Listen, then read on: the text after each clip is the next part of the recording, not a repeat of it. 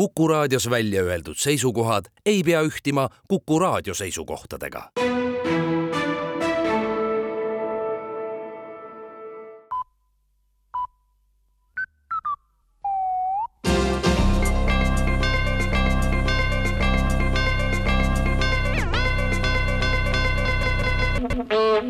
tere, uudistega eetris Rohkede Pelak. Tallinna linnavalitsuse ruumidest leiti eile maailma esimene töökorras ajamasin.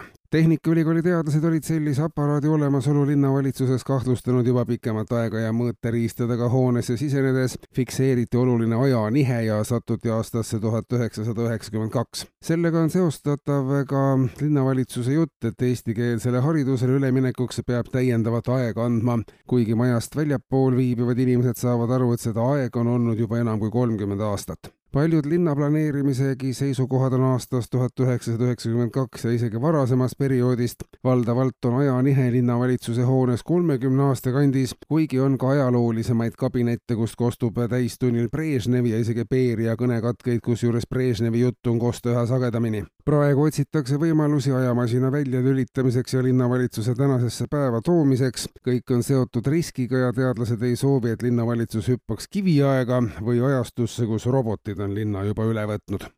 majandusministeerium on kaasates arvukalt erialaspetsialiste aga teinud kindlaks, kes tegi mõned päevad tagasi elektribörsil Nord Pool pakkumise, mille tagajärjel kerkis hind lühiajaliselt kahe tuhandele eurole megavatt-tunni eest ja selgus, et pakkujaks oli kehvandus elav Helvand Jolgus, kes pakkus välja, et tema on kase otsa seotud tünni sisse käinud nüüd kaks aastat veeretamas ja varsti paneb ta generaatori käima kõrget hinda põhjendas mees sellega, et tünn ongi võrdlemisi kõrgel ja viimane kord seda täites kukkus ta ennast poolvigaseks, mistõttu tipu tarbimise ajal ta kaasa lüüa ei saa. Nord Pooli sõnul pakkumisega tootmist aga üldse ei kaasnenud ja see lõigi hinna üles. kuna parajasti oli ka Norras remondis enam kui nelikümmend koske, siis kõik see kokku oligi sellistes arengutes süüdi, mitte ei ole süüdi börsi kui sellise läbipaistmatus vabariigi valitsus annab aga teada, et päästevõimekus ka väiksemates maakohtades säilib ja seda vaatamata rahalistele puudujääkidele. komandosid küll suletakse, kuid inimesed saavad ise ka õnnetuse korral palju ära teha ja sellega seoses on valitsusel palve inimestel oma põlema läinud maja tuua kustutamiseks elukohajärgse päästekomando ette. kui maja kohale tuua,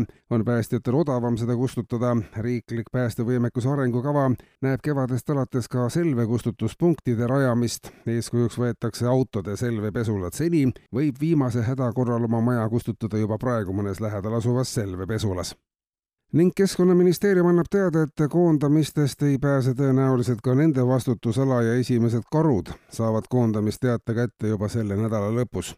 kokku on plaanis koondada enam kui kakssada karu, kes aetakse üles ja kellel aidatakse leida siis uus tegevusala ja pakutakse ka ümberõpet karudele pakutakse võimalust tegutseda edasi kas Euroopa naaritsa või lendoravana, samuti tedrekuke või kolmesaja leevikesena. headel aegadel on karude arvukus olnud tõusuteel ja nüüd on käes olukord, kus kõikidel ei leidu enam karuna rakendust ja nii on karud asunud õnne otsima linnades ja ka väiksemates asulates. mõnes maapiirkonnas on õnnestunud neil teha ka poliitilist karjääri ja astuda vähem nõudlikuma erakonna liikmeks, samas on need üksikud edulood riigipoolne täpsel juhtimine on selles küsimuses kindlasti omal kohal, märgib ministeeriumi teade.